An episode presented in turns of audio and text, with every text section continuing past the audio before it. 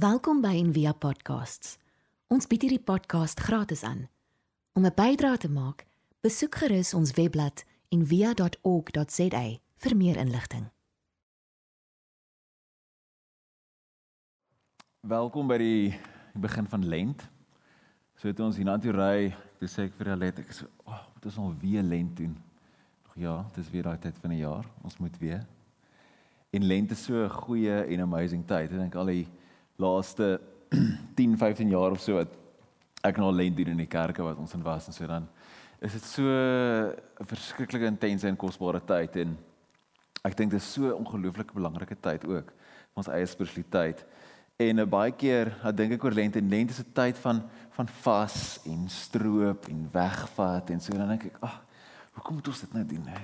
Jesus het ons nou opgestaan. Ons kom ons nou maar fees vier. Maar beide is belangrik. Fees vier en vas, fasting en feasting. Beide is belangrik. So as dit jou eerste keer is wat jy deel is van lent of hoor van hierdie gebruik in die kerk en so, dan wil ek jou uitnooi om dit regtig soos met jou hele wese eintlik te ontmoet en in dit in te stap want dit is verskriklik vrugbaar op die ou end. En dit nooi ons uit tot ons 'n diep besef van ons eie menslikheid en sterflikheid en ons eie afhanklikheid van God. En lent is die dis die oudste tradisie wat die kerk het. So dis nie iets wat ek sê altyd so van 'n quote vir Rick Warren in die preek vandag, maar ek sê altyd weet Christendom is nie iets wat Rick Warren uitgedink het nie. Dit is oud. En uh, dit kom al duisende jare en daar's biljoene mense wat voor jou hierdie pad gestap het en lent kom al uit die eerste, tweede eeu uit die kerk uit nog voor Kersfees. Kersfees kom eers uit die 4de eeu uit. Ons begin Kersfees vier. So lent is oud en dit mens mens stap in eintlik in daai daai oudheid van dit in. Daai tradisie en daai kennis en daai wysheid en goed en dis wat so spesiaal maak. So lent is die 40 dae voor Paasfees. So ons tel nie die Sondae nie. Sondae is nie vasdae in die kerk nie. Sondae is altyd feesdae.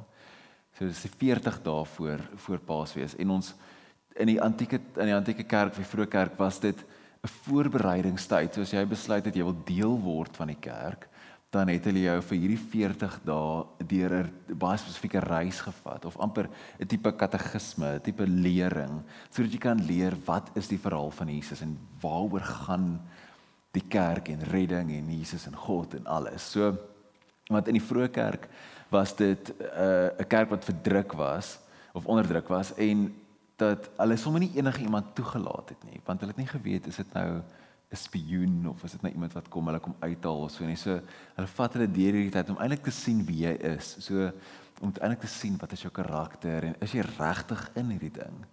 En dan jou doop was dan gewoonlik op Paas Sondag, Opstand Sondag is tradisioneel die dag vir doop in die kerk. So dis die reis wat ons op gaan. En lente is gewoonlik dis in die noordelike halfrond begin. So dis is in die tyd van lente. Dis waar ons die woord lente vandaan kry. So ons doen dit nou 'n bietjie andersom. Ons gaan eintlik in die winter in, maar hulle kom eintlik uit die winter uit. So ek wil jou uitnooi net weer te sê maar hierdie dis spesiaal en dis oud en dit is baie baie waardevol. So dat dit nie net gaan dat gewoonlik gaan Paasfees vir ons net soos oor 'n lekker lang naweek en as jy 4 dae verlof het, dan kry jy 4 weke of iets soos dit nie. Dit gaan oor meer as dit. Dis die die kern van ons reis is is hierdie tyd. En so en as jy die lent boekie gekry het, daar is 'n paar weer beskikbaar en so. As jy nog nie een het nie, dan wil ek uitnooi om dit natuurlik te gebruik in die week en so. En elke week is daar 'n gedig. So elke week het 'n gedig in en dan die gedig word dan gebruik amper as die die teks vir die week saam met die Bybelteks wat die boekie dan deurstap. So op Sondag ons ook 'n gedig lees. So ek weet vir ons lees hierdie week se gedig. Die titel is is Meister Eckhart. Ehm um, Asai. Meister Eckhart. En nou, omdat ons almal volmaaktheid nastrewe, moet ons ophou om te kla voor God. Besef dat die aanloop God en hemel toe in diself en in die stilte lê. Een ding is nodig, Martha. Vertel dit aan die susters. En dit is die alleenloop deur woestyne. Die liefde is nie groter as dit wat jy daar sal vind nie. Al kon Paulus daaroor liries skrywe vir die Grieke. God is in jou. Van hom staan niks apart nie. En as jy alleen is, is sy geselskap nader. Afsondering is nodig na aan die niks en die niet waar God is. En moet jy jou nie vermoei met die, met opbeer op na God nie. Hy sal wel afkom na jou toe. Hy streef ook na die mens, sy woonplek. Gaan dus na die woestyne, maar moet nooit die woestyn dra in jou hart nie. Want woestyne groei totdat alles stil en koud en dood is. Amen Walter. So woestyne, woestyn in die Bybel is baie significant. Elke keer as daar 'n woestyn opgemerk word of 'n deel is van die verhaal dan gebeur daar klomp goeters. En ek dink baie keer in ons algemene verstaan is woestyne, mense sal goed sê soos o, oh, ek gaan deur 'n ek gaan deur 'n woestyn tyd in my lewe. Weet die Here is stil, ek hoor niks. En dis presies in ek teenoorgestelde van wat die woestyn in die Bybel is. In die woestyn, elke keer as daar woestyn is, dan praat die Here met sy volk. Dan praat hy van Sinai af, hy gee die wet. Hy ont hy tog gebeur goed as wanneer Jesus in die woestyn ingaan dan gebeur die versoeking hy moet 'n keuse maak. Dis 'n dis 'n dis baie meer 'n plek van aksie en konflik en beweging as wat dit 'n plek van niks is waar niks gebeur nie. Is 'n is 'n oorgangstipe tyd. 'n Plek vir dis 'n plek vir afsondering, maar ook 'n plek waar jy God ontmoet. Dis elke keer waar die profete vir God ontmoet, is in die woestyn. En die antieke Jode het ook geglo dat demone bly hoofsaaklik op twee plekke. Hulle bly in die woestyn en hulle bly in badhuise. So jy gaan nie in badhuise in nie en jy gaan nie in die woestyn in as 'n goeie Jood nie. So maar dis ook die plek waar jy God ontmoet. So dit het hierdie intense paradoks dat intense ewel is daar en intense goed op dieselfde tyd. So dis 'n plek, die woestyn is altyd 'n plek vir vir keuse. Soos toe Jesus die teks ons net gelees, toe hy in die woestyn gegaan het, toe moes hy kom met hy keuse maak die vyand of die die duiwel of die die aanklaer gee vir hom 'n keuse. Sê vir hom kies. Hierdie of hierdie, maak hierdie klippe brood. Doen dit. Spring jy af, aanbid my. Kies. En dis wat die woestyn ons innooi. En dis wat lent vir ons almal innooi. Is om 'n keuse te maak in ons eie reis. So elke keer as ek deur lent gaan en elke keer as ons saam in 'n kerk weer gaan, dan dis wat dit jou na toe uitnooi. Is 'n keuse. Dis wat die wildernis jou na toe uitnooi. Is 'n keuse sodat ons kan groei in ons volmaaktheid. So by Envia sê ons ons is op pad in heelheid. So ons ontdek ons eie volmaaktheid. In die gedig en dan ook in die Bybel praat dit van om volmaaktheid na te strewe. So Matteus 5 sê wees julle dan volmaak soos julle hemelse Vader volmaak is. En van die ander vertalings sal sê wees heilig. Wees heilig soos jou Vader heilig is. Be holy because God is holy. En ons dink baie keer word dit voorgehou of gesê, jy weet, wees sonder sonde of moenie so moreel afvallig wees nie of hou op met jou met jou drink dans en dobbel of wat ook al dit is. Maar as mens daai hele teks lees, dan gaan dit eintlik oor heeltemal iets anders. Dit gaan oor liefde. Om volmaak te groei in liefde in, om te sê dat God is volmaak in sy liefde. So selfs die woord heiligheid is 'n dit beteken as ek sê seker goed by die huis het, nê? En ek sê vir die kinders, daar's 'n manier nie, dis heilig vir my. Nê? Dis myne. Heiligheid is 'n dis dis 'n woord wat wat eienaarskap aandui. Dit is vasgemaak aan iets. Wanneer iets nie heilig is nie, is dit vasgemaak aan niks. En wanneer jy in heiligheid in beweeg, beteken dit jy is vas aan God, vas aan mekaar, vas aan die natuur, koneksie. Ek dink dis wat ons almal voor honger eintlik en wat ons sal definieer as spiritualiteit, weet die koneksie tussen alles, daai daai heelheid en daai eenheid. As jy maar dis wat heiligheid is. Heiligheid beteken nie net sonder sonde nie. Dit is baie meer as dit. Ek hou van die die message vertaling vir daai selfde teken in Matteus 5 ek vir julle lees. Dit sê This is what God does. He gives his best. The sun to warm and the rain to nourish to everyone regardless. The good and bad, the nice and nasty. If all you do is love the lovable, do you expect a bonus? Anybody can do that. If you simply say hello to those who greet you, do you expect a medal? Any run of the mill sinner does that. In a word, What I'm saying is grow up. You are kingdom subjects. Now live like it. Live out of your God created identity. Live generously and graciously towards others the way God lives towards you. Die pad na volmaaktheid, na daai heelheid loop deur die woestyn. Sodat ons kan leer wat dit is om lief te hê soos God liefhet. God het onvoorwaardelik lief. Ek hou van hierdie wat sê the nice and the nasty. God is lief vir almal en vir alles. Hy sluit alles in want dis wat heiligheid is. So die woestyn is nie 'n plek en as mense, ons hou nie suffering is vir ons moeilik en ons kan dit amper nie verstaan nie. En ek dink een van die grootste gawes wat ons kan vir onsself gee, is om vrede te maak daarmee dat suffering deel is van die lewe. Dat lyding deel is van die lewe. Die ek luister in die week vir Jordan Peterson, daai ehm um, filosoof en sielkundige. Hy sê hy ons ons ons gejaag na geluk, happiness is so te vergeefs want ons dink dat suffering is on, amper onnatuurlik maar is so deel van ons lewe en die doel is nie om happiness te kry nie maar betekenis meaning en daar's vir my iets mooi daarin om vrede te maak daarmee dat die wêreld chaos is en dat dit moeilik is en dat daar lyding gebeur en dat daar leed gebeur en ek kan net dink dat ek meen soveel van ons eie stories het soveel leed en swaar kry in die toekoms en in die verlede en in die oomblik. En dat dit is oukei. Okay. En dit is wat ons vorm en dit is wat ons dra en dit is ons dit is ons pad na volmaaktheid. Maar om intentioneel in dit in te beweeg en dis wat lent ons na toe nooi, wat ons skep eintlik 'n wildernis tyd in die kerk. Ons weet dit is so nodig dat ons skep ene half 'n onnatuurlike een. Ons sê in hierdie tyd van lent gaan ons vas. Ons gaan iets opgee. Iets wat ons moeilik is, iets stroop sodat ons kan groei, sodat ons ook kan oefen vir die tye wanneer die lewe ons in elk geval stroop en bloed nie slaan. By een quote van Mike Mike Tyson wat sê almal het 'n plan, nê, nee, totdat die wêreld jou in die gesig slaan. Totdat iemand jou in die gesig slaan. Everybody's got a plan till you get punched in the face. En wat die kerk doen is al hierdie oefeninge wat ons doen.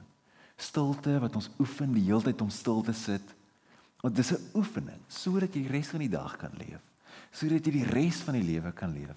Frida sê altyd sodat daai dag wanneer jy die slegte nuus kry, dat jy jouself kan eien, dat jy kan teenwoordig wees in dit. Dat jy nie van jou voete af heeltemal slaan nie. Charles Spurgeon het gesê, "Men will never become great in theology until they become great in suffering." So theology beteken theo God, ology kennis, die kennis van God. So ons sal nooit God ken as ons nie suffering kan ken nie. Want daai twee goeders loop saam. So vroeg in die vroeg in die kerk se geskiedenis het die Christene gesê dat stilte is soos 'n poeltjie water langs die pad. En wanneer jy by dit stop en jy kyk lank genoeg daarna, dan begin die troebel water sak. En dan kan jy twee goeders sien. Jy sien jouself, jy sien die bodem. En jy sien op die weerkaatsing kan jy die hemel sien, kan jy vir God sien. En dis weer eens daai paradoks. Want wanneer jy binne in jouself kyk, dan sien jy al jou begeertes, al jou nonsens, al jou frustrasies, al jou woede, al jou irritasies met almal. En dan maar as jy lank genoeg daar sit, dan sien jy in daai stilte, sien jy jouself, maar jy sien ook vir God. En dis wat die woestyn is, 'n plek met demone en 'n plek met God te gelyk. En die, uit die gedig uit lees dit sê een ding is nodig, Martha, Dit kom uit daai stuk natuurlik waar Jesus by Martha Maria se huis is en Martha werk en werk en werk en die kombuis en Maria sit by Jesus se voete en hy sê eintlik vir haar Martha Martha. En so een vriend Dominee vir my sê altyd, jy weet as Jesus jou naam twee keer sê, dan sien jy moeilikheid. Of weet jy is nou op 'n verkeerde plek. Martha Martha. Hoekom is jy nie soos Maria nie? Sy het die regte ding gekies om hier te sit by my. En ons almal is van Martas, hè. Ons lyk van besig wees en jy gooi eintlik jou gewete en jou en jou swaar kry en goed stil dood met besig wees. En die wat nodig is is alleen loop. Is om in die woestyn in te gaan. En ons maak soveel staat op ander eintlik en eintlik is dit ons elkeen ons eie reis wat ons self moet gevat en self moet opgaan. Ek meen, dis die groot ironie vir die van ons wat wat al kinders het of kinders is of dalk nog kinders is is dat mens maak kinders groot met die uiteindelike doel dat hulle alleen moet aangaan, dat hulle moet weggaan. En dis ek dink dis 'n een groot fout wat ons nie reg kry as ouers nie, wat die samelewing nie reg kry nie, is ons het kry nie daai ding reg nie. Mense maak kinders groot sodat hulle altyd by ons sal bly. Of ons maak kinders groot sodat ons ons eie drome deur hulle kan leef. En ek seker baie van ons hier nie kinders het nie, kan jy na jou eie ouers kyk of na ander paartjies kyk en sê, "Ek wou ek kan sien." En soveel mense het ons met wat ek mee praat van en stories wat ek ken uit ons community uit van ouers wat nie hulle kinders kan los nie wat sy hele emosionele welstand alles afhang van of hulle kinders hulle gebel het 3 keer 'n week. En of hulle kinders nog steeds vir hulle lief is en of dit of dat of dat. So hulle invest al hulle emosionele energie in dit en verwag van hulle kinders om hulle emosionele behoeftes te vervul. En vice versa. Mense wat dieselfde doen, wat in hulle 40s, 50s, wat nog nie los is van hulle ouers nie. Wat nie kan beweeg sonder om vir hulle te vra nie of sonder om by hulle te wees nie. En die doel van dit grootmaak is jy moet kinders grootmaak sodat hulle weet hierdie is 'n veilige plek, hierdie is 'n liefdevolle plek. Jy sal altyd welkom hier wees, maar jy moet gaan. Jy moet self stap. En die die Christen reis en spiritualiteit ego daai. En sê maar jy is altyd welkom. Jy's ons liefde vir jou, hier's aanvaarding vir jou, maar hierdie is jou keuse. Ek kan dit nie vir jou doen nie. Frida kan dit nie vir jou doen nie. Niemand anders kan hierdie reis vir jou stap nie. Jy moet dit self stap. Jy moet die keuse maak.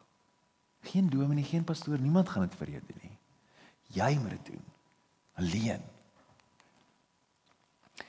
En maar die in die paradoks van hierdie is God by ons. En dis dis waar ek dink vriend my sê altyd as jy nie hier jy hoor Jesus altyd in stereo. Dis altyd jy's alleen, maar God is by jou. Daai paradoks. En dis is alleen in die woestyn maar God is daar. Jy's alleen in die woestyn maar die demone en God is daar. En dis waar jy in ons ingenooi word. Om te sê dat God los ons nie. Staai God het ook nie Jesus aan die kruis gelos nie. God is altyd daar, altyd by ons almal. Ek meen daai soos ek my kinders of ons almal af weet en laai jou kinders af by die skool of by die kres of by die kleuterskool wat ek al eerste keer dink hulle jy los hulle. Maar jy los hulle nie, jy maak hulle groot. En dis wat dit is. Dat God altyd by ons is en altyd saam met ons stap. En ek dink hier in hierdie ding, nê, is seker die grootste ding wat ons almal aan kan werk in lent is hoe kyk God na ons? As hy na jou kyk, wat sien hy? Draai hy draai nie sy rug op jou nie. God is lief vir almal, the nice and the nasty. Maar wat hy wil hê is dat ons moet groot word. Wat so mooi is daai message vertaling. What I want is this, grow up. Word groot. Julle is koninkryk subjects. Leef soos dit. God is lief vir julle. En dis waar ons innooi. Uit die gedig uit sê dit ook God is in jou wat hom van hom staan niks apart nie en as jy alleen is is sy geselskap nader en hier kom daai Rick Warren quote you never know god is all you need until god is all you have en in die week sê ou Esme vir my ook sê ja sy is 'n so wyse vrou sien via al in Stellenbosch en sy sê sy sê vir my mense verdrink in die middel van die water so jy verdrink wanneer jy jou kop bo water probeer hou en jy probeer swem Is jy wat jy nodig het is om bodem te slat sodat jy jouself kan opskiet. En dit is dieselfde ding. Wat jy nodig het is daai totale oorgee, daai totale gestrooptheid, daai totale heeltemal onder die water gaan sodat jy bodem kan slat. Want dis waar God is. God is daai een wat daar is as daar niks meer oor is nie. Dit en dit is wat lent is. Om jouself te stroop intentioneel deur die praktyke, deur die eeue se wysheid en kennis te gaan en te sê moet jy staf laat gaan, ek moet wegkom van dit af. God is nie elders nie. God is in jou. Dis die wonder en die misterie van die Christenreis. Is God is die hoop op ons glorie. God in jou is die hoop op glorie en redding en vrede en liefde. Dit. God bly binne in ons. Uit die gedig uit sê dit Afsondering is nodig. Na in die niks en die niet. En dit is so mooi, die niks en die niets met hoofletters geskryf. Om aan te dui dis waar dis waar God is. God is in die Pieter Rollins, die filosoof, die Ierse filosoof. Hy sê God is in die absurde. In die plekke waar daar geen mening is nie. God is daar. Jy vind hom daar. En hy gaan selfs so ver om te sê jy kan nie eers aan die kruis betekenis gee nie. Want dit sal die kruis minder maak. Hy sê dis heeltemal sonder mening, maar God is daar. Selfs in daai plekke, in die absurde is God. In die absurde van mense wat sterf sonder rede, verhoudings wat breek. Is God is daar. Binne in daai. Hy sê en jy moenie jou vermoei met die opbeer na God nie. Hy sal wel afkom na jou toe. En dis die skandaal van die Christen storie. Is 'n God wat homself mens gemaak het. En nee, daar's baie stories in die Griekse mitologie van gode wat mense geword het. Maar hulle is altyd in die stories, hulle blink altyd so bietjie. Hulle so bietjie radioaktief. Hulle blink altyd so bietjie of hulle is verskriklik mooi. En dan wanneer mense hulle nie herken nie, wanneer nou Adonis is of Venus of wie ook al en mense erken hulle nie, dan raak hulle verskriklik kwaad. Dan bring hulle sommer 'n straf voor die mense. Want hoe kon jy nie gesien het ek is eintlik 'n god nie? Maar die storie van Jesus is nie dit nie. Dis anders. Dis 'n dis God wat 'n mens word en in Jesaja dan sê dit sommer 'n gewone mens. Hy was niks om na te kyk nie. Niks spesiaal nie. Sommer net gewoon sommer net so in 'n stal gebore. En dis die wonder van dit, die God wat na ons te kom. 'n Gewone mens wat ons werk en seer kry en leef en groot word. Soos Jesus wat ook in die woestyn moes ingaan, wat ons hierdie in lent herdenk, 40 dae ook gestroop word, ook moes kies en moes groot word sodat hy kan doen wat nodig is. Hier is Meester Eckhart. Die wat die titel is van die gedig. Nou Meister Eckhart het so in die 13de eeu geleef. Hy was 'n omstrede middeleeuse teoloog, bietjie van 'n rebel. En hy was 'n baie gewilde preker in Kieln, as jy in Kieln was in Duitsland met 'n massive kathedraal. Hy sê want hy het nie hy het geweier om in Latyn te preek en te skryf. Die taal van die kerk was Latyn. So selfs hulle het nie verstaan nie. Priester het gepreek in Latyn, almal het gesing in Latyn, gelees in Latyn, maak nie saak nie, is irrelevant. Hy het nie, hy het in Duits gepraat taal van die mense. Daar waar die woord vulgus beteken ehm um, mob, van ons woord vulgêr vandaan kry. Nê, nee, die die mob, die gewone mense. Dit is vulgêr. En ek kan ook alhoewel van om te dink dat Meester Eckhart en Jesus was bietjie vulgêr vir die mense. Sommige net so platvloers. En ehm um, is ook die taal wat die Nuwe Testament in geskryf is, koinonia Grieks. Hulle kon nooit die woorde kry nie, want die woorde wat gebruik is in die Nuwe Testament is Dis nie in klassieke Grieks nie. Jy kry nie dit in Homer se Iliad nie. Jy kry dit nie in die groot werke nie. Hulle het nie geweet wat dit beteken nie. En toe eendag, nie 'n paar honderd jaar terug, toe grawe hulle asgat oop. Toe kry hulle shopping lysies. Wat dis hulle sê, "Ag, oh, hier's die woorde. Hier's die woorde van die Nuwe Testament." Toe kry hulle 'n brief wat 'n 'n ma vir haar seun geskryf het wat in die oorlog was. Sommige net so 'n briefie. Dis kry hulle klomp woorde van die Nuwe Testament daar. Hoe mooi is dit? Want dit is gewone mense woorde. Meester Eckhart het gepraat in die taal van die mense. So hierso is sy 'n paar van sy quotes wat beautiful is. God is not to be found in the soul by adding anything but by a process of subtraction. What a man takes in by contemplation, he pours out in love. To be full of things is to be empty of God. To be empty of things is to be full of God. So wat lent ons na uitnooi is om te kies. Ek sê altyd die mees geestelike ding wat jy kan doen op hierdie aarde is om 'n keuse te maak. Is om te kies om iets te doen, om van goeders ontslae te raak. Want goeders maak ons lewe vol. En dan sien ons nie vir God nie, dit pak vir God toe. Om te kies en in lent om te kies om 'n pad te loop van stroping Ek hou van op die oomblik is Marie Kondo so bekend met haar show op Netflix en haar boek en alles. Ek sien nou so ding, so meme wat sê, "Hoe uitgesorteer is jou lewe op 'n skaal van Marie Kondo tot by Fire Festival?" Maar en dis wat lente ons nou uitnooi. Dis is die een ou het gesê, ons het dit laas ook in die weer gesê, maar en dis wat ek gaan doen hierdie lente. Dis elke dag om een item uit jou lewe uit te haal. Uit jou klerekas uit, uit jou boekrak uit of wat ook al, een item weg te gee. En aan die einde van lente het jy 40 'n boks met 40 goed in wat jy dan kan gaan gee vir mense wat dit nodig het. Net as 'n simbool. Dit is in 'n geval te veel staf om iets af te lê en iets te kies. Woestyn is 'n plek waar jy moet kies.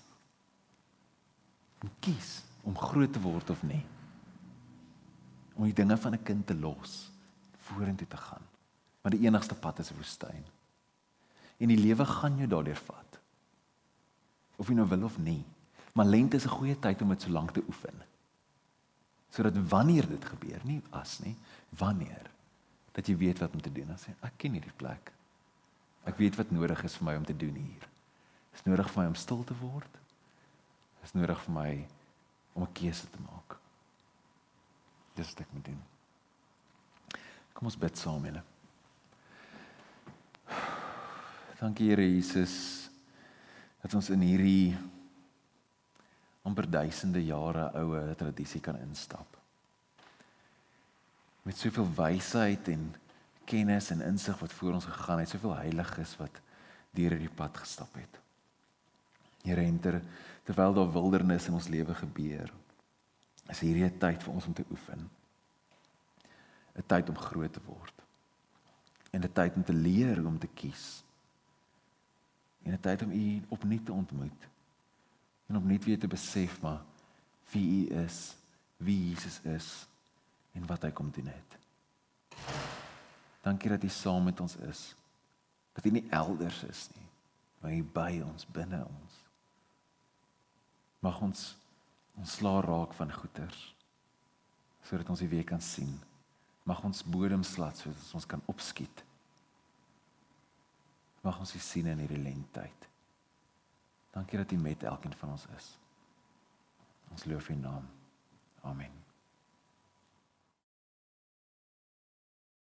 Ons hoop van harte jy het hierdie podcast geniet of raadsaam gevind.